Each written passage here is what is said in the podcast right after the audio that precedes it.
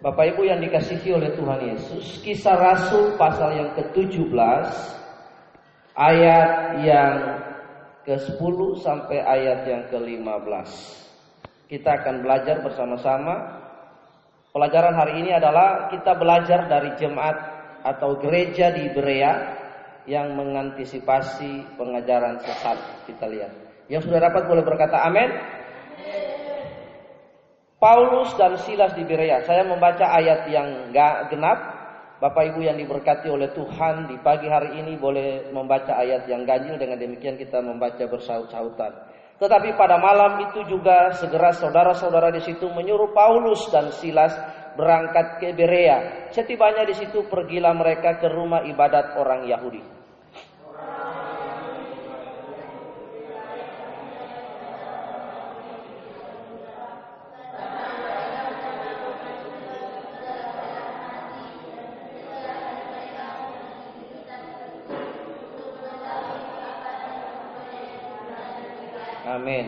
Banyak di antara mereka yang menjadi percaya juga tidak sedikit di antara perempuan-perempuan terkemuka dan laki-laki Yunani.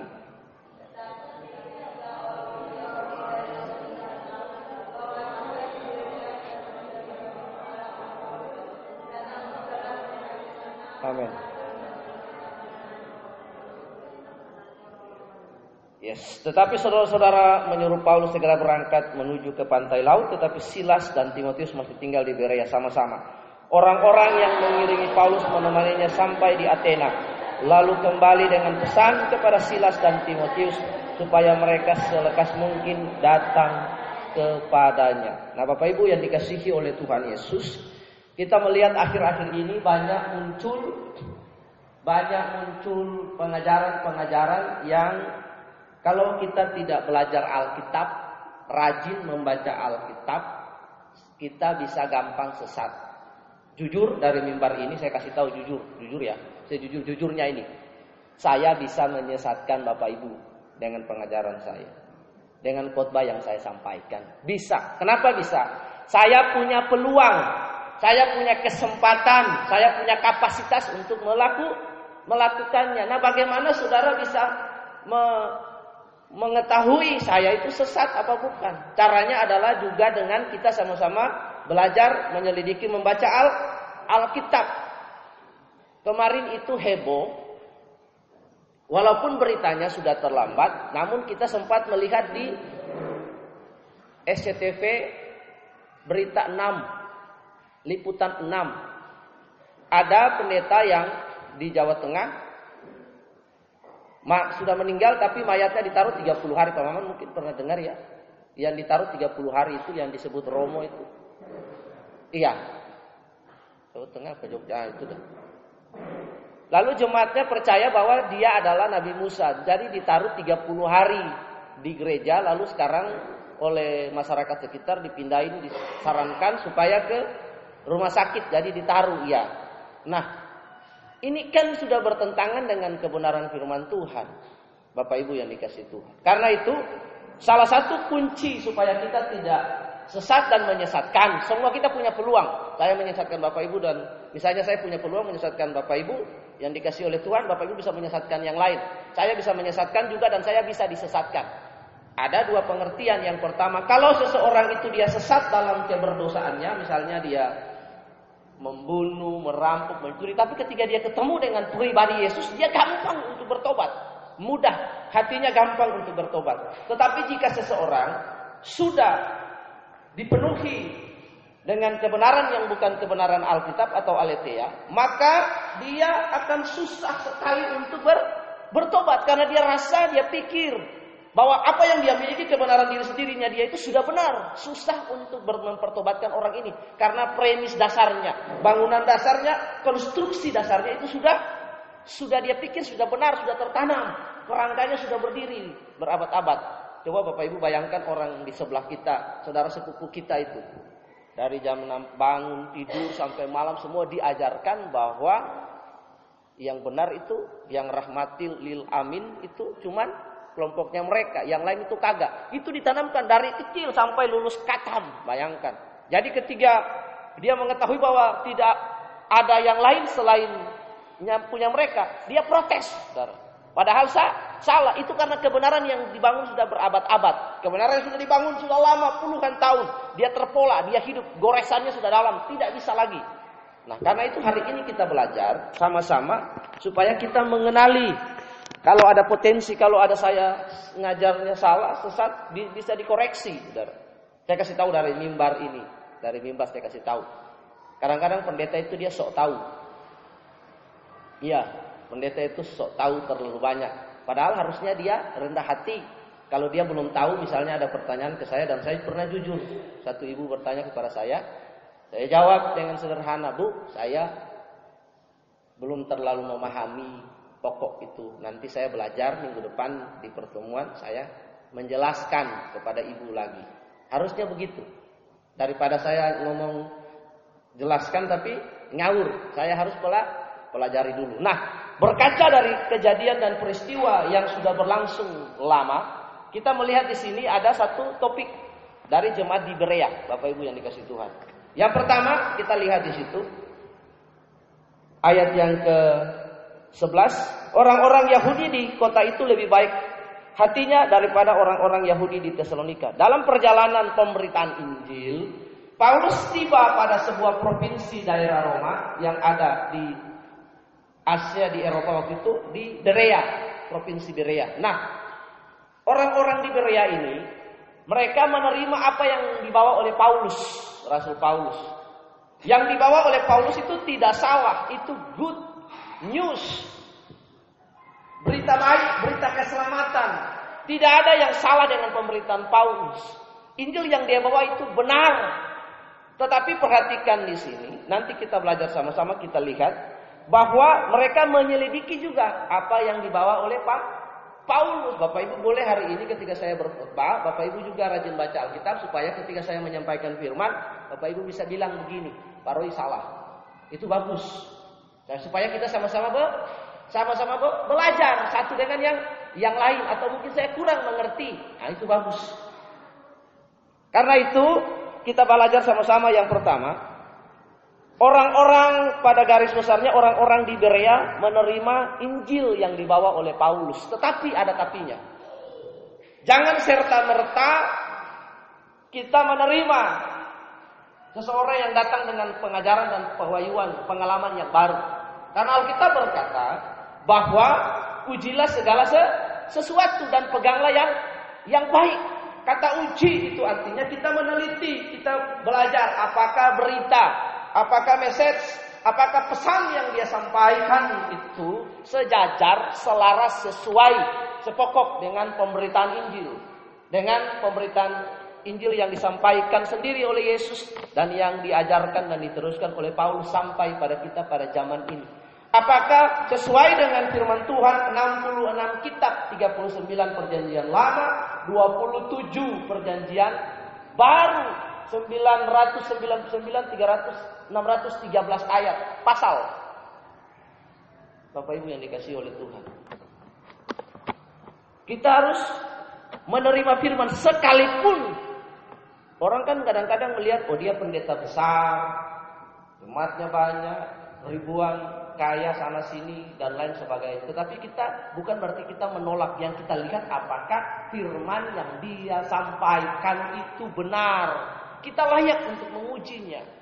Mengapa kita layak untuk menyusul supaya kita tidak disesatkan dan disesatkan. Bayangkan kalau dari mimbar ini yang saya sampaikan penyesatan, lalu Bapak Ibu mengikutinya, kemudian menyampaikannya kepada orang lain, apa sudah sesat, sesat, sesat. Lah kita sesat KB.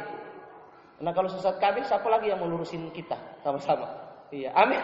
Gak ada orang yang bisa lurusin kita lagi kalau kita sendiri merasa bahwa kita benar. Karena itu lihat yang pertama, jemaat di Berea yang pertama adalah mereka baik hatinya. Ayat yang ke-11. Orang-orang Yahudi di kota itu lebih baik hatinya daripada orang-orang Yahudi di Tesalonika. Karena mereka menerima firman. Bapak Ibu, yang pertama adalah baik hatinya. Allah selalu berurusan dengan sikap hati, motif kita. Karena itu dia berkata, jagalah hatimu dengan segala kewaspadaan. Karena dari situlah terpancar kehidupan. Yang pertama, dulu Yang pertama adalah hati sebagai basis pertobatan. Tuhan berurusan dengan sikap hati, dengan motif.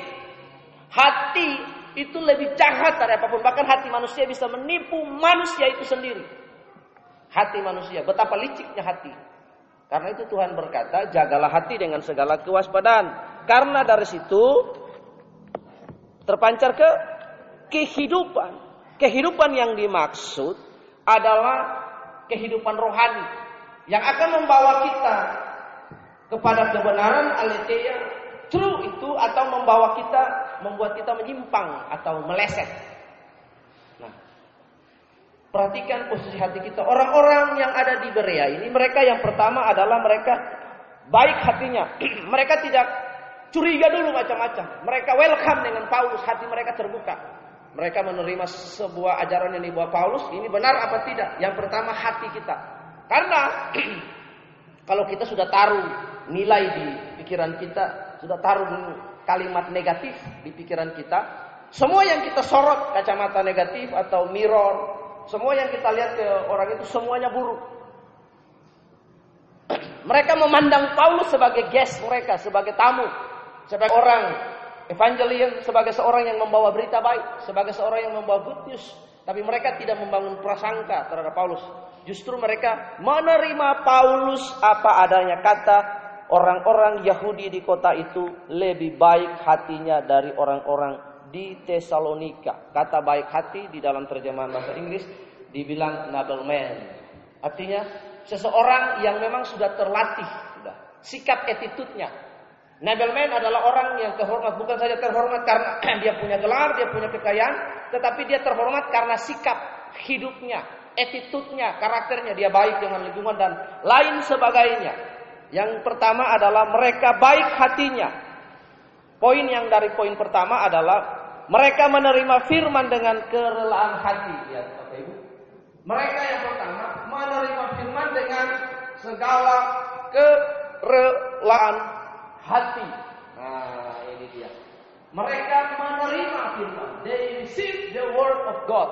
Mereka menerima berita yang disampaikan oleh Paulus. Perhatikan ini. Mereka tidak menolak dalam setiap pemberitaan Injil yang disampaikan oleh Paulus di tempat-tempat lain, di kota-kota lain.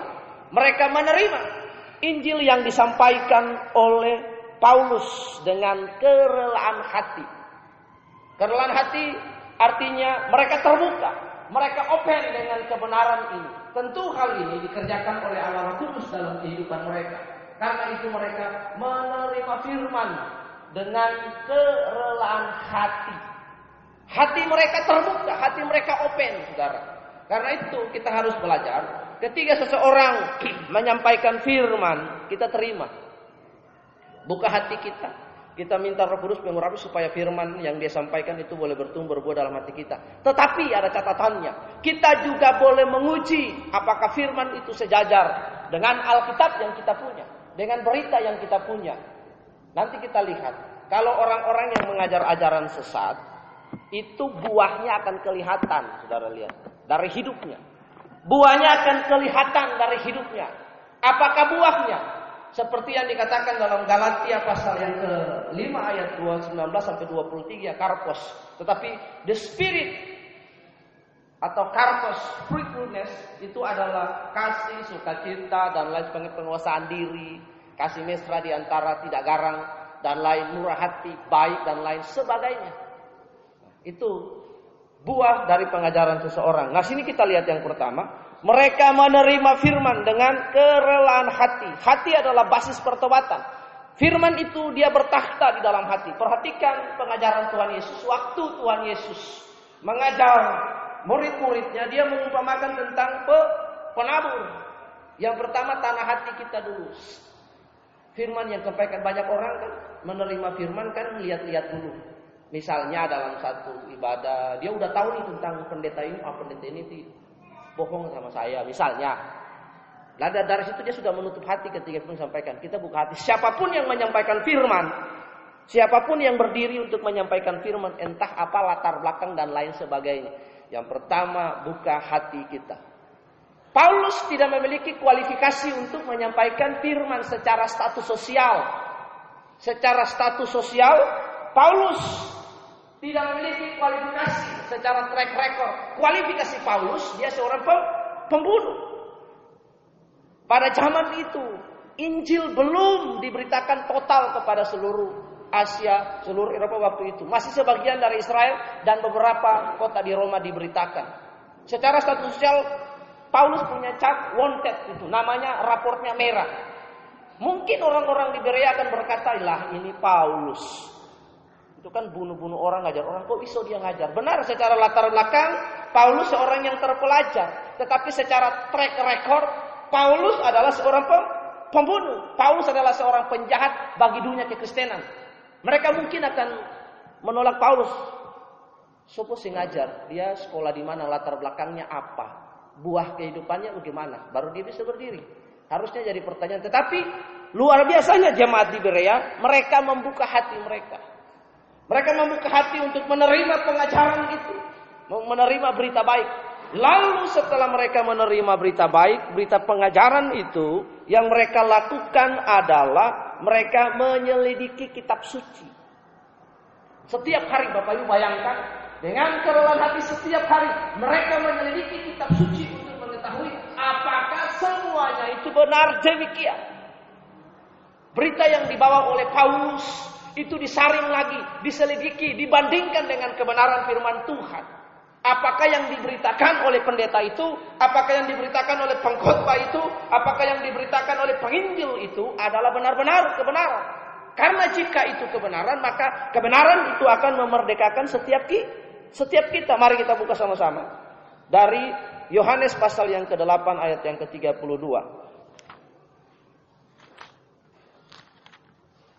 Injil Yohanes pasal yang ke-8 ayat yang ke-32.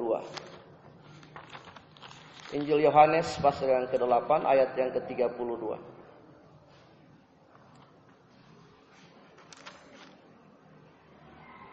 Ya.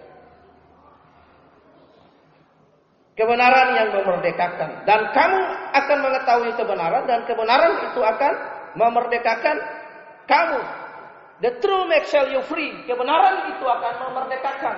Bapak Ibu yang dikasih Tuhan, pertama mereka menyelidiki kitab suci. Mereka menerima semua yang diberitakan oleh Paulus. Lalu mereka menyelidiki kitab suci. Mereka siapa? Mereka adalah jemaat di Berea. Mereka sama-sama belajar menerima pengajaran Paulus. Mereka belajar sama-sama menyelidiki apakah yang disampaikan oleh Paulus itu benar demikian dengan perkataan para nabi, dengan hukum Taurat yang pada waktu itu digenapi, dan lain sebagainya. Mereka belajar firman Tuhan Alkitab waktu itu belum ditulis. Injil pada waktu itu juga belum ditulis. Injil ditulis setelah kematian Tuhan Yesus dan kenaikan Tuhan beberapa ratus tahun kemudian. Baru Injil ditulis oleh para tua-tua yang berjumlah 70 orang yang disebut Septuagint. Septua Para tua-tua 70.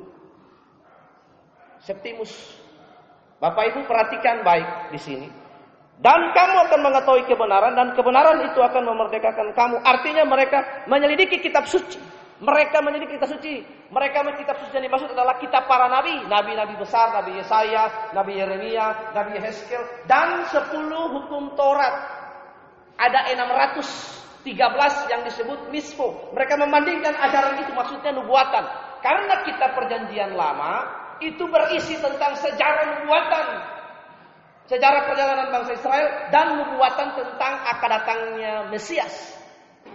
Kalau kita baca perjanjian lama, jadi saya ajar kita perjanjian lama itu terdiri dari sejarah bangsa Israel, keterpilihan mereka, sejarah pertama perjanjian lama, sejarah penciptaan manusia, oleh Allah, keterpilihan Abraham, kemudian manusia itu dalam dosa dan sejarah perjalanan bangsa Israel. Lalu setelah itu adalah janji tentang kedatangan Mesias. Sejarah perjalanan bangsa Israel itu tema utama, tema umum, the general theme of Old Testament. Saudara lihat. Gereja perjanjian baru atau Alkitab perjanjian baru pada waktu itu belum ditulis. Nanti setelah Tuhan Yesus meninggal, naik ke surga, Roh Kudus turun, murid-murid mulai menulis Dikumpulkan para saksi menulis Alkitab Perjanjian Baru yang berjumlah mereka 70 orang mereka menulis Perjanjian Baru atau disebut Septuagint waktu itu. Lalu dicatat. Nah, dalam pengajaran itu mereka menyelidiki Alkitab, apakah benar kitab suci mengatakan benar demikian? Bahwa Yesus akan lahir, bahwa Yesus akan mati pada hari yang ketiga, bangkit dari kematian naik ke sorga. Benar karena ada dalam kitab Yesaya, ada dalam kitab Yehezkel, ada dalam kitab Yeremia, ada dalam kitab Mazmur, ada dalam kitab nabi-nabi besar nah, yang dimulai dengan Yesaya, Yeremia, Yehezkel sampai kepada Daniel. Saudara lihat. Perhatikan dengan baik. Mereka belajar Alkitab. Kembali lagi ke kisah Rasul Heri. Mereka menyelidiki Alkitab. Dan kebenaran itu memerdekakan mereka. Ketika kita belajar untuk menyelidiki Alkitab, kita belajar untuk membaca Alkitab, Roh Kudus akan memberikan pewahyuan kepada kita. Karena Roh Kudus itu sendiri adalah the illumination atau cahaya kebenaran itu. He is inspiring us. Roh Kudus akan menginspirasi kita. Sehingga ketika kita membaca huruf-huruf yang mati ini, teks-teks yang mati di Alkitab ini akan menjadi rema. Ini logos yang kita baca Alkitab, logos. Logos yang tertulis ketika kita membacanya, Roh Kudus akan menginspirasi kita sehingga kita mengerti what is the message of gospel to us. Apa yang dikatakan oleh Alkitab untuk untuk kita ketika kita membacanya. Lalu kalau kita nggak pernah baca Alkitab, pesan apa yang akan kita dapat? Tidak ada pesan yang kita dapat. Kita harus rajin membaca Alkitab, membuka Alkitab karena ada itu lagu sekolah minggu bilang.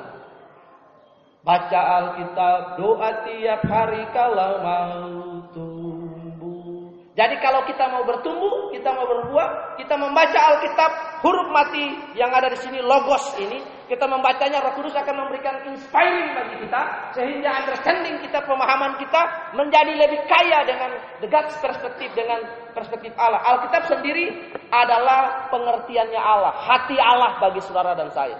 Karena itu lihat jemaat di Berea mereka mempelajari Alkitab kata menyelidiki artinya research dengan teliti, dengan tekun mereka mempelajari sesuatu objek. Objek hari itu adalah pengajaran Paulus. Mereka menyorotnya dengan nubuatan kita para nabi. Mereka membandingkannya dengan kita para nabi. Mereka melihat apakah semuanya itu benar demikian. Kata benar demikian maksudnya apakah yang disampaikan oleh Paulus itu benar demikian. Lihat Bapak Ibu. Luar biasa. Mereka menyelidiki kebenaran firman Tuhan. Yang pertama, untuk mengetahui. Begitu pula juga dengan kita. Kita membaca Alkitab kita untuk mengetahui what of the God message to us.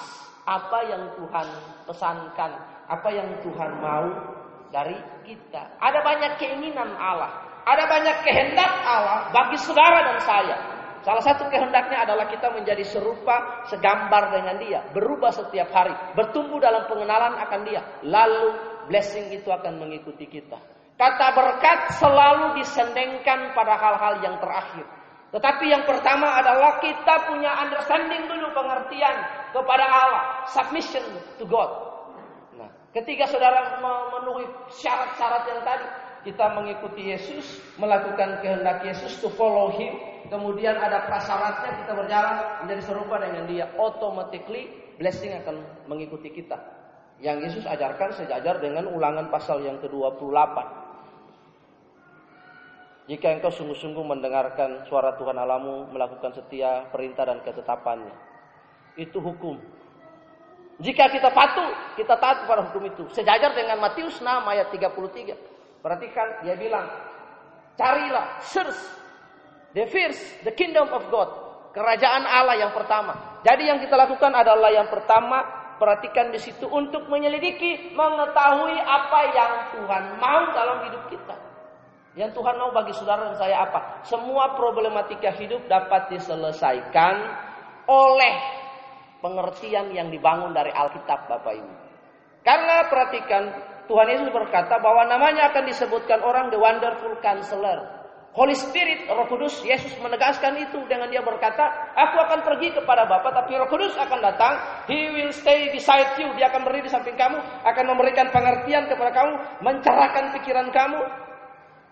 Dia akan menolong, memberikan gambaran, mengulangi semua, mereview apa yang Yesus ajarkan bagi kita. The Lord's teaching. Bapak Ibu perhatikan. Karena itu, ini yang harus kita pelajari, ini yang harus kita ikuti. Kita menjadi seperti jemaat di Berea. Mereka mendengarkan firman Tuhan, mereka mengikuti firman Tuhan, mereka menyelidiki. Beda dengan orang di luar sana, apa disampaikan ke pemuka agama dia telan mentah-mentah dia pulang. Dia pikir bahwa pemuka agama itu kagak sesat. Masih manusia kita masih daging bagi saudara dan saya. Untuk belajar menyelidiki firman Tuhan seperti yang disampaikan oleh Pak Paulus kepada jemaat di Berea mereka tidak serta-merta menerima menangkap pengajaran. Karena itu ketika kita rajin baca Alkitab, konstruksi kita kita akan ngerti. Kalau Bapak Ibu mau tahu uang palsu itu mana kagak usah belajar itu uang palsu gimana enggak. Peganglah uang asli setiap hari. Lihat ini uang asli. Oh ini asli, ini asli. Tiap hari dengan asli. Ketika ada uang palsu datang kita sudah tahu oh ini palsu uang. Oh ini palsu uang. Karena? Konsep kita konsep Injil. Kalau kita pegang uang palsu, uang asli, kalau ada orang mau nipu kita tukar atau belanja pakai uang seribu, seratus ribu palsu, gampang kita mengetahuinya. Karena kita sudah terbiasa dengan uang uang asli. Nah inilah yang seperti yang dimiliki oleh jemaat di Berea, Bapak Ibu yang dikasih Tuhan.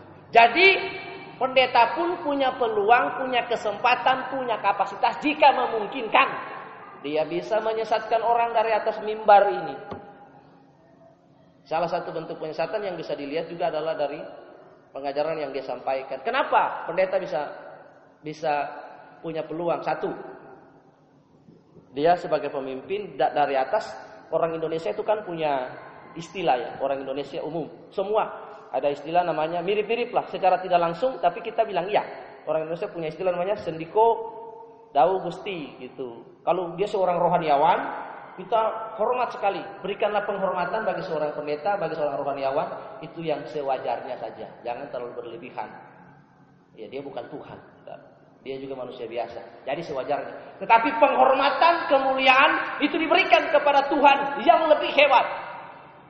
Bapak Ibu perhatikan. Kenapa? Dia punya kapasitas. Misalnya jemaatnya seribu orang dia ngajar. Nah, semua jemaat itu nggak pernah oh, pengajarannya salah. Karena kenapa? Pendeta itu hidup dalam situasi yang namanya mendengar yang mau didengar. Jadi omongannya itu didengar, didengar, didengar, didengar. Jarang. Dia buka hati untuk menerima pandangan pendapat orang lain. Itu itu itu itu eh, pastor undercover saya kasih tahu. Itu. Jadi dia dari mimbar dia bisa bisa bisa ada teknik-teknik banyak, ada namanya hypnotising. Dia ngajar, dia meyakinkan jemaatnya bahwa yang diajarkan benar padahal salah. Karena itu Kalaupun toh saya mengikuti seminar atau lain saya duduk di belakang, ketika ada yang yang menyampaikan materi dan lain sebagainya, saya buka Alkitab saya, pikiran saya jalan. Yang dia sampaikan ini sejajar nggak dengan Alkitab? Kalau nggak sejajar, saya toret. Oh ini yang miring, oh ini yang salah, oh ini yang nggak benar, oh ini agak keliru. Amin. Kita sama-sama belajar sama-sama. Jadi misalnya nanti kalau saya buat banyak atau ngajarnya ini BBM atau chatting, SMS, Pak, saya kurang setuju dengan ini, ini, ini, harus begini, mungkin begini, menurut Bapak gimana? Kita diskusi, situ jauh lebih baik. Jadi kita sama-sama belajar sama-sama. Karena itu jemaat di Berea, mereka menyelidiki kitab suci. Mereka belajar kitab suci. Mereka menerima kitab pengajaran Paulus, tapi mereka belajar apakah benar demikian. Dan ternyata kebenaran itu memerdekakan mereka seperti Yohanes pasal 8 32, kebenaran itu memerdekakan. 1 Timotius pasal yang 2 Timotius pasal ke itu tetap aja Heri di situ. 2 Timotius pasal ketiga ayat 16 dan 17. Itu ayat keren sekali Bapak Ibu yang dikasih Tuhan.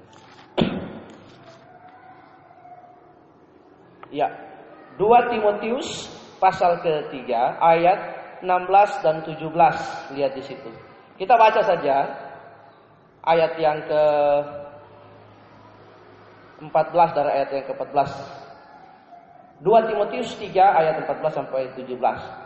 Tetapi hendaklah engkau, maksudnya Timotius, tetap berpegang pada kebenaran yang telah engkau terima dan engkau yakini dengan selalu mengingat orang-orang yang telah mengajarkannya kepadamu. Ingatlah juga bahwa dari kecil engkau sudah mengenal kitab suci yang dapat memberi hikmat kepadamu dan menuntun engkau kepada keselamatan oleh iman kepada Yesus. Karena itu segala tulisan yang diilhamkan Allah memang bermanfaat untuk mengajar, untuk menyatakan kesalahan, untuk memperbaiki kelakuan, untuk mendidik orang dalam kebenaran. Kebenaran ini maksud adalah Aletheia atau Yesus itu sendiri. Dengan demikian tiap-tiap manusia kepunyaan Allah, milik Allah yang percaya kepada Allah diperlengkapi untuk setiap perbuatan baik. Mereka menyelidiki kitab suci dan mengetahui apakah itu benar. Lihat di situ dan mereka percaya kepada pemberitaan. Di situ dikatakan ayat 12 bagian A, mereka banyak di antara mereka menjadi per menjadi percaya karena apa? Kebenaran itu memerdekakan mereka. Jika kamu mengetahui kebenaran, kebenaran itu memerdekakan kita. Nah, Bapak Ibu, jika Bapak Ibu rajin membaca Alkitab, ketika seseorang menyampaikan sesuatu yang tidak sesuai dengan Alkitab, Bapak Ibu akan mudah gampang untuk menkanternya dan akan tahu bahwa ini benar, yang dia sampaikan itu salah. Harusnya demikian, Bapak Ibu yang dikasih Tuhan, supaya kita tidak gampang dan mudah terombang-ambingkan karena itu kita perlu dididik, kita perlu belajar dalam kebenaran, membaca Alkitab ini. Kita pegang uang asli misalnya ini. Ini yang asli punya kita kan. Ada Injil Barnabas, Injil palsu. Ketika dibandingkan, disejajarkan, yang palsu udah salah. Nah Alkitab punya demikian. Alkitab, kalau Bapak Ibu di Katolik itu ada namanya Deuterokanonika. Atau kitab-kitab yang tidak memiliki kesaksian peneguhan oleh bapak-bapak gereja, oleh para rasul. Kita punya 66 kitab, mereka punya lebih dari 66 kitab. Contoh satu, tambahan pada kitab Daniel, Bel dan Naga. Tambahan pada kitab Salomo. Itu banyak sekali kitab-kitab yang sesat yang bertentangan dengan ini. Jadi kanonika itu artinya, Bapak Ibu, Kanonika itu artinya Alkitab setelah diuji dan ditulis, ditetapkan, diputuskan di bawah bimbingan Roh Kudus oleh para penulis kitab suci yang berjumlah 70 orang. Penulis kitab suci maksudnya penulis Perjanjian Baru itu berjumlah 70 orang. Nah, kitab suci Perjanjian Baru ditulis dalam bahasa Yunani yang disebut Septuaginta. 70 orang tua-tua yang menulis kitab ini dan diterima oleh gereja, oleh bapak-bapak gereja pada masa itu, oleh para rasul pada masa itu menjadi kitab suci. Nah, tidak ada boleh kitab yang lain. Jadi yang di luar 66 ada tambahan satu ayat, tambahan satu pasal, salah KB. Alkitab kita ini sudah. Nah, Bapak Ibu perhatikan dengan baik. Mereka menerima kebenaran dan mereka belajar ayat 12. Mereka menjadi percaya. Ini proses. Karena itu yang benar harusnya demikian Bapak Ibu lihat. Dalam hal ini sejajar dengan apa salah satunya jemaat di Berea ini jemaat yang unik karena mereka sebenarnya mengaplikasikan apa dari Matius pasal 28 ayat 19. Ada strukturnya di situ. Perhatikan yang pertama, pergilah jadikanlah semua bangsamu murid. Jadi murid dulu. Jadi proses yang orang-orang di Berea lakukan mereka belajar to be disciple. Mereka gak gampang untuk menerima ajaran itu. Mereka lihat karena mereka sesuatu mereka bukan orang Kristen, mereka orang Yahudi yang nanti jadi Kristen, pengikut Yesus. Tidak gampang mereka menerima, tidak mudah bagi mereka untuk menerima ajaran yang baru. Nah sekarang di gereja-gereja besar, di banyak tempat mudah dan gampang sekali orang menerima ajaran sesat, dipengaruhi, gampang. Ada teknik hypnoselling itu, hypno preaching saudara lihat. Bahkan tadi malam waktu beli buku saya uh, cari satu buku judulnya apa The Journal of Life of Nelson Mandela itu saya beli. Saya senang baca buku toko-toko, saudara lihat. Ada tulis di situ uh, hypnotising, bagaimana mengajar dan mengajar dengan teknik hipnotis untuk membawa audiens anak-anak tahu TK itu untuk terfokus pada kita. Itu ada tekniknya juga. Nah, saudara lihat. Nah, perhatikan itu murid-murid yang di Berea, mereka di antara mereka menjadi percaya Itulah orang Yunani dan perempuan-perempuan dan laki-laki Yunani perhatikan di situ. Jadi seperti prosesnya Tuhan Yesus katakan sebelum dia naik ke surga. Jadi murid dulu. Jadi murid itu dia belajar. Nah orang-orang di Berea ini mereka belajar baca kitab suci ini. Dipenuhkan dengan firman Tuhan. Kebenaran itu memerdekakan kita kan? Alkitab adalah kebenaran. Nah, setelah kebenaran itu memerdekakan kita ada sesuatu yang palsu datang, dia mental sendirinya. Karena tidak bisa, ya. Karena yang sudah tertanam itu benar, benar, benar firman Tuhan, firman Tuhan. Ada firman yang lain datang mental. Berbeda dengan jemaat yang ada di Galatia. Jemaat yang Galatia pasal yang ketiga ayat 1 sampai 2 dikatakan bahwa hai kamu orang-orang Galatia yang bodoh, kamu mulai sesuatu dengan roh, kamu mengakhiri dengan daging karena mereka menerima Injil yang lain, Injil yang tidak sejajar, yang tidak selaras dengan firman Tuhan. Nah, ciri-ciri pengajar sesat itu gampang kita bisa dilihat dia. Dia mengajar, dia mencari keuntungan dari Injil, dari gospel itu. Tidak boleh seorang hamba Tuhan mengajar mendapat sebuah, sebuah keuntungan karena dia dipelihara oleh Tuhan. Dia tidak boleh menjadi seorang marketer of gospel. Yang kedua, hidupnya. Seorang pengajar sesat dia eksklusif. Dia menuntut banyak dari jemaat yang ada. Itu ciri-ciri pengajar sesat. Dia menuntut sesuatu, dia mengajar sesuatu dengan firman Tuhan. Ayo nabur, Nabur iya benar, kita harus menabur, tetapi kita menabur untuk Tuhan, bukan untuk kita berjudi kalau kita nabur 10 juta nanti kita tuai 20 juta tidak. Tidak seperti itu yang Alkitab, yang gospel ajarkan bagi kita. Hati kita. Apakah kita taruh 10 juta nanti besoknya kita dapat 20 juta? Kagak ada ayatnya. Alkitab perjanjian lama itu berbeda dengan Alkitab perjanjian baru. Alkitab perjanjian lama itu khusus untuk orang Israel secara fisik mereka. Tetapi nanti ketika kita mempelajari Alkitab Perjanjian Lama, nilai Perjanjian Lama itu kita ekstrak, kita saring value-nya, message-nya, pesannya untuk masa kini. Jadi tidak diterapkan secara lahi, lahiria atau letterleh, Bapak Ibu. Coba contoh Perjanjian Lama, salah satunya adalah Hose, Hosea. Dia kawin dengan perempuan lebih dari satu, dua, tiga. Coba kalau kita terapkan itu, kira-kira Kristen poligami nggak? Bisa. Saya bisa punya istri lebih dari satu. Iya, karena Alkitab kan bilang Hosea kawin kan? Hosea kawin. Bapak Ibu bisa pilih. Hosea kawin. Dengan perempuan nggak benar lagi. Alkitab bilang. Iya. Coba bayangkan. Nah kalau kalau kita mengikutinya secara letter letter, oh Alkitab bilang dalam PL boleh kawin, Hosea kawin kan? Kita ikutin contoh itu. Wah, rusak tatanannya, Bapak Ibu. Perhatikan di sini. Mari kita belajar, saudara lihat. Jemaat di Berea mereka menjadi percaya dan kemudian ya di situ ayat yang ke-12 mereka menjadi percaya setelah mereka menjadi murid. Kata mereka menyelidiki itu artinya supaya mereka mengetahui ajaran itu. Secara tidak langsung mereka menjadi murid. Nah kita jadi murid dulu. Ada tingkatannya jadi murid. Dan Tuhan Yesus berkata pergilah dari kesekian masa muridku. Setelah jadi murid apa? Ah, ajar dulu. Baru di dibaptis.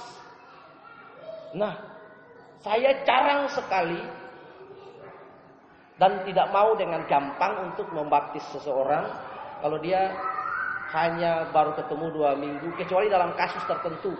Ada yang kita baptis itu satu minggu kemudian atau satu tahun, berapa bulan kemudian itu langsung meninggal. Satu tahun lah, hampir satu tahun. Misalnya kita baptis untuk target, belum jadi murid, belum diajar, kita sudah pak sudah baptis. Ada kasus-kasus tertentu iya, minimal dia ikut som dulu. Dia ikut som, dia situ dia belajar tentang baptisan itu. Ya kalau seseorang belum mengerti tentang apa itu baptisan lalu kita bilang lu besok baptis ya, padahal belum dikasih pengertian. Dia dikasih pengertian dulu. Kalau baptis itu nanti begini, kamu nanti jadi Kristen. Setelah jadi Kristen, misalnya kalau yang yang yang belum pernah jadi Kristen, Muslim, Hindu dan Buddha segala macam. Ya, nanti kasih tahu Ketika kita pertama kali menyatakan diri mengikut Yesus, lalu tanda kita lahir baru adalah dibaptis. Setelah kita dibaptis keluar jangan pikir kita enak-enak itu. Enggak, ada masalah yang ikut kita. Siap enggak ditolak oleh keluarga? Kalau yang saudaranya keluarganya masih muslim, masih Hindu dan siap. Karena itu jadi pengikut Yesus ada ketika kita ikut Yesus, jangan dipikir oh langsung saya menang, saya diberkati. Enggak, ada begitu banyak persoalan yang menuntut kita untuk mempertahankan iman kita apakah benar ini. Karena ada banyak kejadian setelah dia dibaptis, berapa lama kemudian ada masalah dia ditolak oleh keluarga, oh, saya saya nggak bisa gitu. Balik lagi, balik maning, wah nggak bisa. Buat keputusan karena itu kita mau ikut Yesus kita buat keputusan. Sekali ikut Yesus tetap Yesus. Tidak boleh nengok-nengok ke belakang. Sekali percaya tetap percaya. apa pun yang terjadi. Nah, apa pun yang terjadi di dalam hidupku selalu ku berkata Tuhan Yesus baik. Amin. Jangan dipikir pertama kali kita habis baptis langsung merdeka senang. Wih saya diberkati jadi anak Tuhan. Ntar dulu.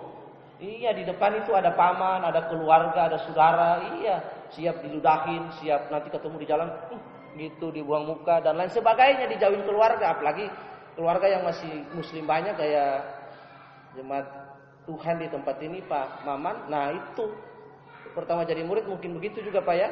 Iya, ditolak, jadi nggak enak-enak. Iya, butuh waktu lama itu.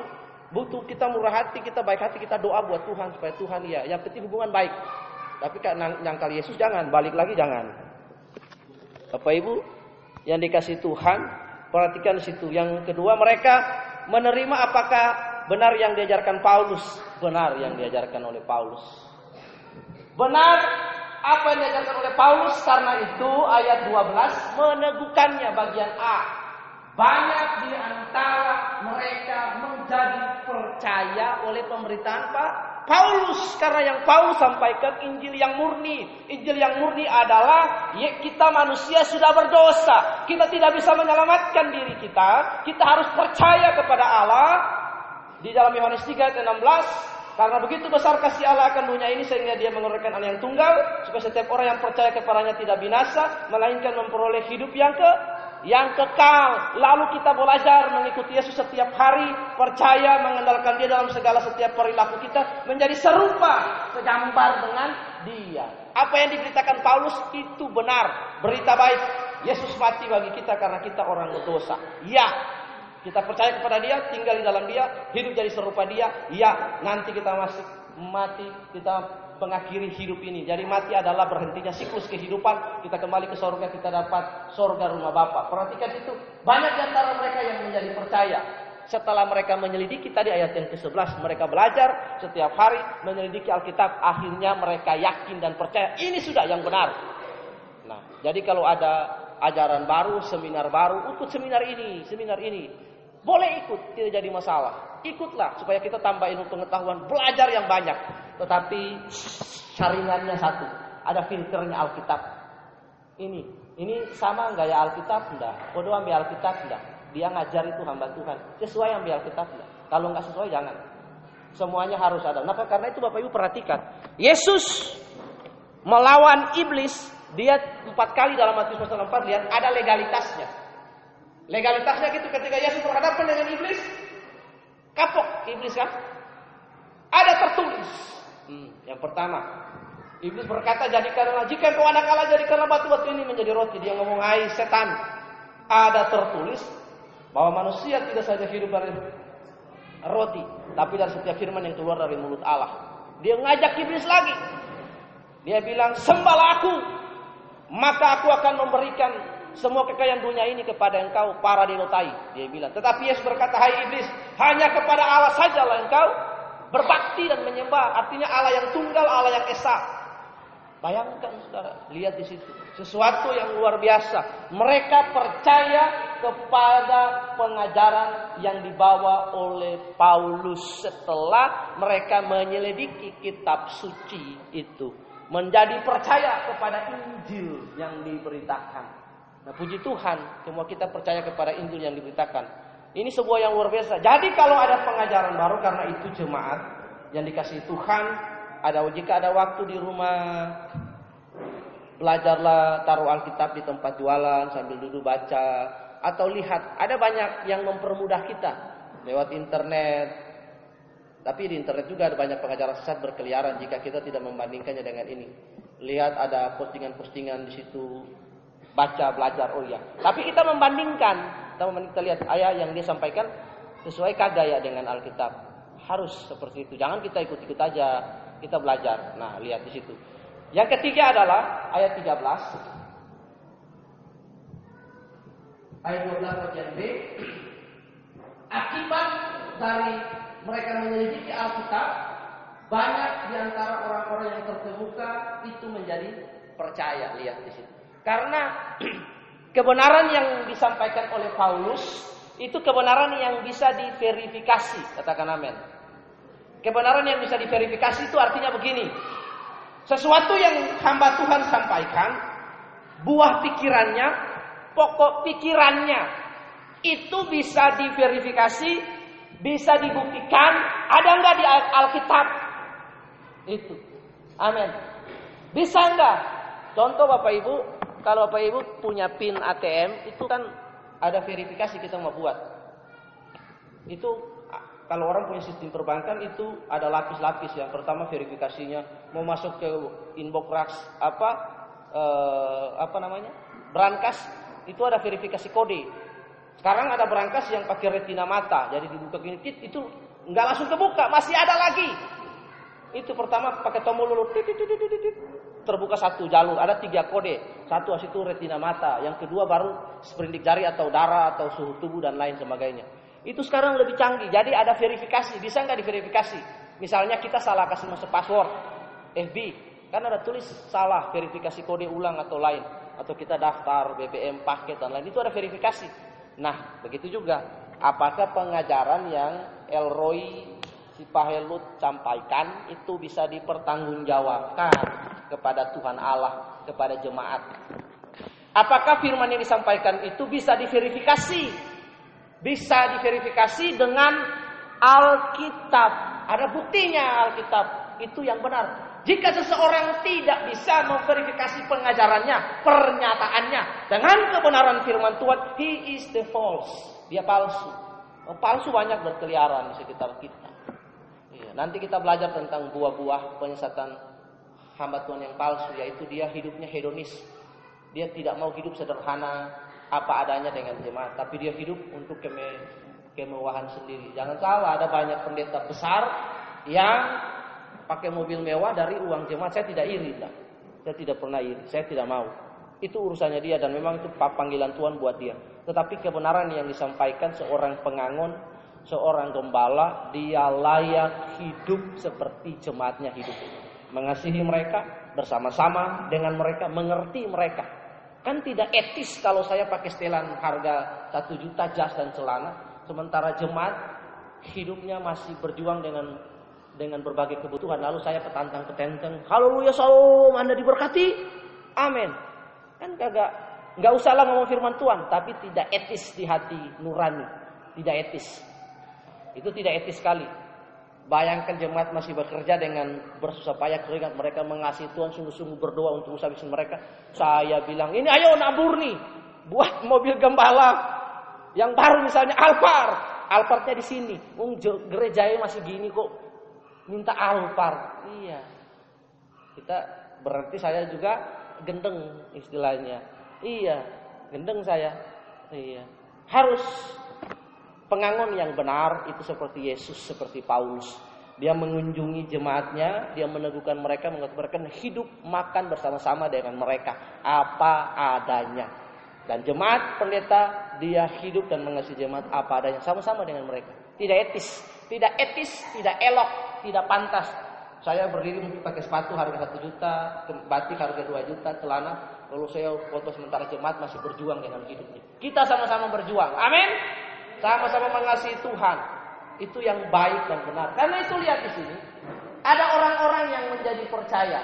Nah setelah percaya kepada pemberitaan Injil ayat 13 sampai 14 lihat di situ ada persoalan. Menjadi percaya kepada Yesus itu ada persoalan. Paulus mau dibunuh karena lihat orang-orang terkemuka di kota itu menerima kebenarannya. Paulus mau dibunuh, lihat mereka marah karena ketiga jam kalau balik lagi sebelum Paulus ada di Berea dia ada di Tesalo Tesalonika. Nah kalau saudara baca kisah perjalanan Rasul Paulus itu ada keributan di Tesalonika huru hara di situ karena Injil yang diberitakan Paulus di situ. Nah perhatikan di sini. Karena itu mereka tahu bahwa orang-orang di kota Tesalonika tadi tahu oh, Paulus di Berea. Orang-orang di Berea itu udah bertobat juga. Ayo kita ke sana kita hasut. Paulus ditolong, diloloskan. Allah mengkondisikan situasi waktu untuk meloloskan Paulus. Jadi tidak gampang orang percaya Yesus. Kalau kita bilang percaya Yesus, ya karena itu kita mencari kerajaan Bapa. Carilah kerajaan Bapa dahululah. Gak usah kita angel-angel. Cari Tuhan dalam segala hal. Engkau lagi motong sayur sambil nyanyi. Benar yang saya bilang, saya pernah bilang di tempat ini. Itu diulangi di khotbah. Pak Eras waktu saya ikuti seminarnya. Tuhan senang ketika kita menyembah. Kalau orang mungkin menyembah, misalnya naik, Bapak engkau sungguh baik. Itu Tuhan panggil malaikat. Kat. Sopo sing nyanyi. Walaupun dikasih pengertiannya beda. Ada alarm. Oh itu, di mana itu? Banyumili. Ya. Di mana itu? Dawaru. Rumahnya Pak Erik. Iya. Yeah. Ada alarm. Engkau sungguh baik. Di Blimbing Sari juga. 24 jam ada alarm. Tuhan tanya, Kat, sopo sing nyanyi? Ibu Ayu, walaupun suaranya bagus sekali Tuhan. Iya. Mimpin pujian masih lihat suaminya, masih belajar kita. Iya. Tapi dengan tulus, dengan tulus. Dipuji pujian tulus kepada Allah, Tuhan bilang, wis ambil berkat timpu yang ambil berkat. Iya. Setiap kita, setiap hari selalu ada pertolongan Tuhan kita bersyukur. Bapak Ibu kalau kita masih sehat, kita masih kuat, kita masih bisa bekerja, itu sebenarnya mujizat yang terbesar dalam hidup ini. Anak-anak kita masih baik, masih sekolah, tidak masuk rumah sakit. Kita masih bisa makan, kita masih bisa menjalankan usaha dengan baik, dengan pelan-pelan. Itu sebenarnya mujizat. Apalagi kita sehat, kita diselamatkan saja oleh Tuhan Yesus. Jaminan kita masuk surga itu aja sudah mujizat terbesar dalam hidup ini. Janganlah takut kesusahan-kesusahan lain, Tuhan akan tolong asalkan kita punya keinginan kerinduan untuk mengas terus mencintai dia dalam segala hal. Perhatikan. Mereka percaya kepada Tuhan, tetapi akhirnya lihat di situ ada tantangan, ada persoalan, tetapi Tuhan menyeting waktu, mengkondisikan waktu untuk apa? Di situ mereka lo lolos. Paulus selamat dan orang-orang di Berea juga tidak diganggu oleh orang-orang di Tesalonika. Perhatikan di situ. Allah itu ajaib. Dia bisa mengkondisikan waktu seperti kesaksian kemarin. Harusnya datang uh, di kafe, tapi Tuhan bisa menyeting waktu dan kondisi dan situasi. Tuhan mengkondisikan waktu. Orangnya jadi makan di Banyu Milik. Apa itu enggak ajaib? Ajaib. Saya selalu kagum dengan mujizat-mujizat yang sederhana yang mujizat-mujizat yang sederhana dalam hidup ini. Yang kecil-kecil banyak orang kan maunya mujizatnya kan yang gede-gede besar. Kalau besar sekali baru mujizat. Kalau yang gitu-gitu sih kagak mujizat. Bagi saya itu mujizat.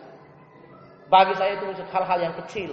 Kita lolos dari kecelakaan jatuh mungkin dah sampai terpatah itu sebenarnya pertolongan Tuhan. Mujizat itu jangan dipandang sebagai sesuatu yang besar. Yang wow saja orang sembuh dari bisa berjalan dan lain tapi kalau kita bisa bernafas bangun pagi saudara Terus saudara kita tidur tuh kan kita nggak tahu diri kan, tidur kita nggak tahu kita, tapi tiba-tiba pasti bisa sadar bangun, itu mujizat terbesar dalam hidup ini. Coba kalau saudara tidur kagak bangun-bangun dalam hidup ini, itu sebenarnya. Nah lihat, simpelnya adalah pertolongan Tuhan bagi orang-orang yang ada di Berea dan oleh Paulus. Akibat pemberitaan Injil mereka menghadapi tantangan dan persoalan dalam hidup ini. Tetapi ayat yang ke-14 di situ mereka 15 supaya Paulus diloloskan dan diberangkatkan. Allah menyeting waktu, situasi dan kondisi. Dalam berbagai peristiwa, Allah selalu menjadi penentu bagi kita. Bapak Ibu, salah satu nama Tuhan adalah Father atau Bapa. Jadi dia selalu menyatakan fungsinya. Bapa adalah gelarnya dia sekaligus fungsi. Fungsinya dia. He is our Father. Karena itulah Yesus mengajak kita berdoa yang benar. Berdoa kepada sumber. Our Father in heaven. Bapak kami yang surga artinya sumber kami yang di surga. Sesuatu yang luar biasa. Satu-satunya agama di dunia ini yang menjadikan Tuhannya sebagai Bapak hanya ada di Kristenan. Jadi kita bisa panggil Tuhan itu Bapak. Bayangkan betapa hebat kan? Allah pencipta yang dahsyat, yang hebat, yang luar biasa itu kita panggil dengan sebutan Bapa. Dalam doa kan kita berkata Bapa, Engkau sungguh baik. Nggak usah perlu panggil pakai toa, pakai mik. Oh, nggak usah. Saudara ada di mana saja, iya. Saudara ada di toilet di mana saja, saudara tinggal panggil Bapak. Berkati saya hari ini Bapak. Iya. Nggak usah pakai toa, diumumkan lagi. Oh, nggak usah. Bapak, engkau sungguh amat baik. Jadi ada tiga hal yang kita belajar pagi hari ini. Yang pertama, Hati kita adalah basis pertobatan ketika seseorang menyampaikan firman, buka hati untuk menerima. Yang kedua, terima firman dengan kerelaan hati, tetapi Prinsip kita menyelidiki, belajar firman untuk mengetahui apakah yang disampaikan pendeta itu, disampaikan hamba Tuhan itu, disampaikan pengkhotbah itu sejajar, cocok, selaras dengan Alkitab. Itu yang mantap. Apakah benar yang diajarkan oleh hamba Tuhan itu? Yang kedua, menjadi percaya akibat berita Injil. Jika itu benar, jika itu baik, jika itu sejajar dengan Alkitab, lakukan, ikuti, maka kita akan berbuah, bertumbuh. Yang ketiga, selalu ada tantangan dalam perjalanan hidup kita akan Tuhan, tetapi ingat, Tuhan selalu menolong setiap kita. Tunduk kepala kita berdoa. Tuhan Yesus, kami berdoa dan kami bersyukur kepada Engkau untuk hari ini Tuhan. Untuk kebenaran yang sudah Engkau seberangkan bagi kami. Roh Kudus sudah menolong kami supaya kami memiliki understanding seperti jemaat di gereja Tuhan. Mereka tidak menolak firman, mereka menerima dengan kerelaan hati, tetapi mereka menyelidiki firman itu apakah benar demikian. Seperti juga dengan kami. Biarlah firman ini menolong kami untuk memiliki understanding, memagari kami supaya kami tidak gampang, tidak mudah terseret dalam arus penyesatan dunia ini. Kami juga menyelidiki firman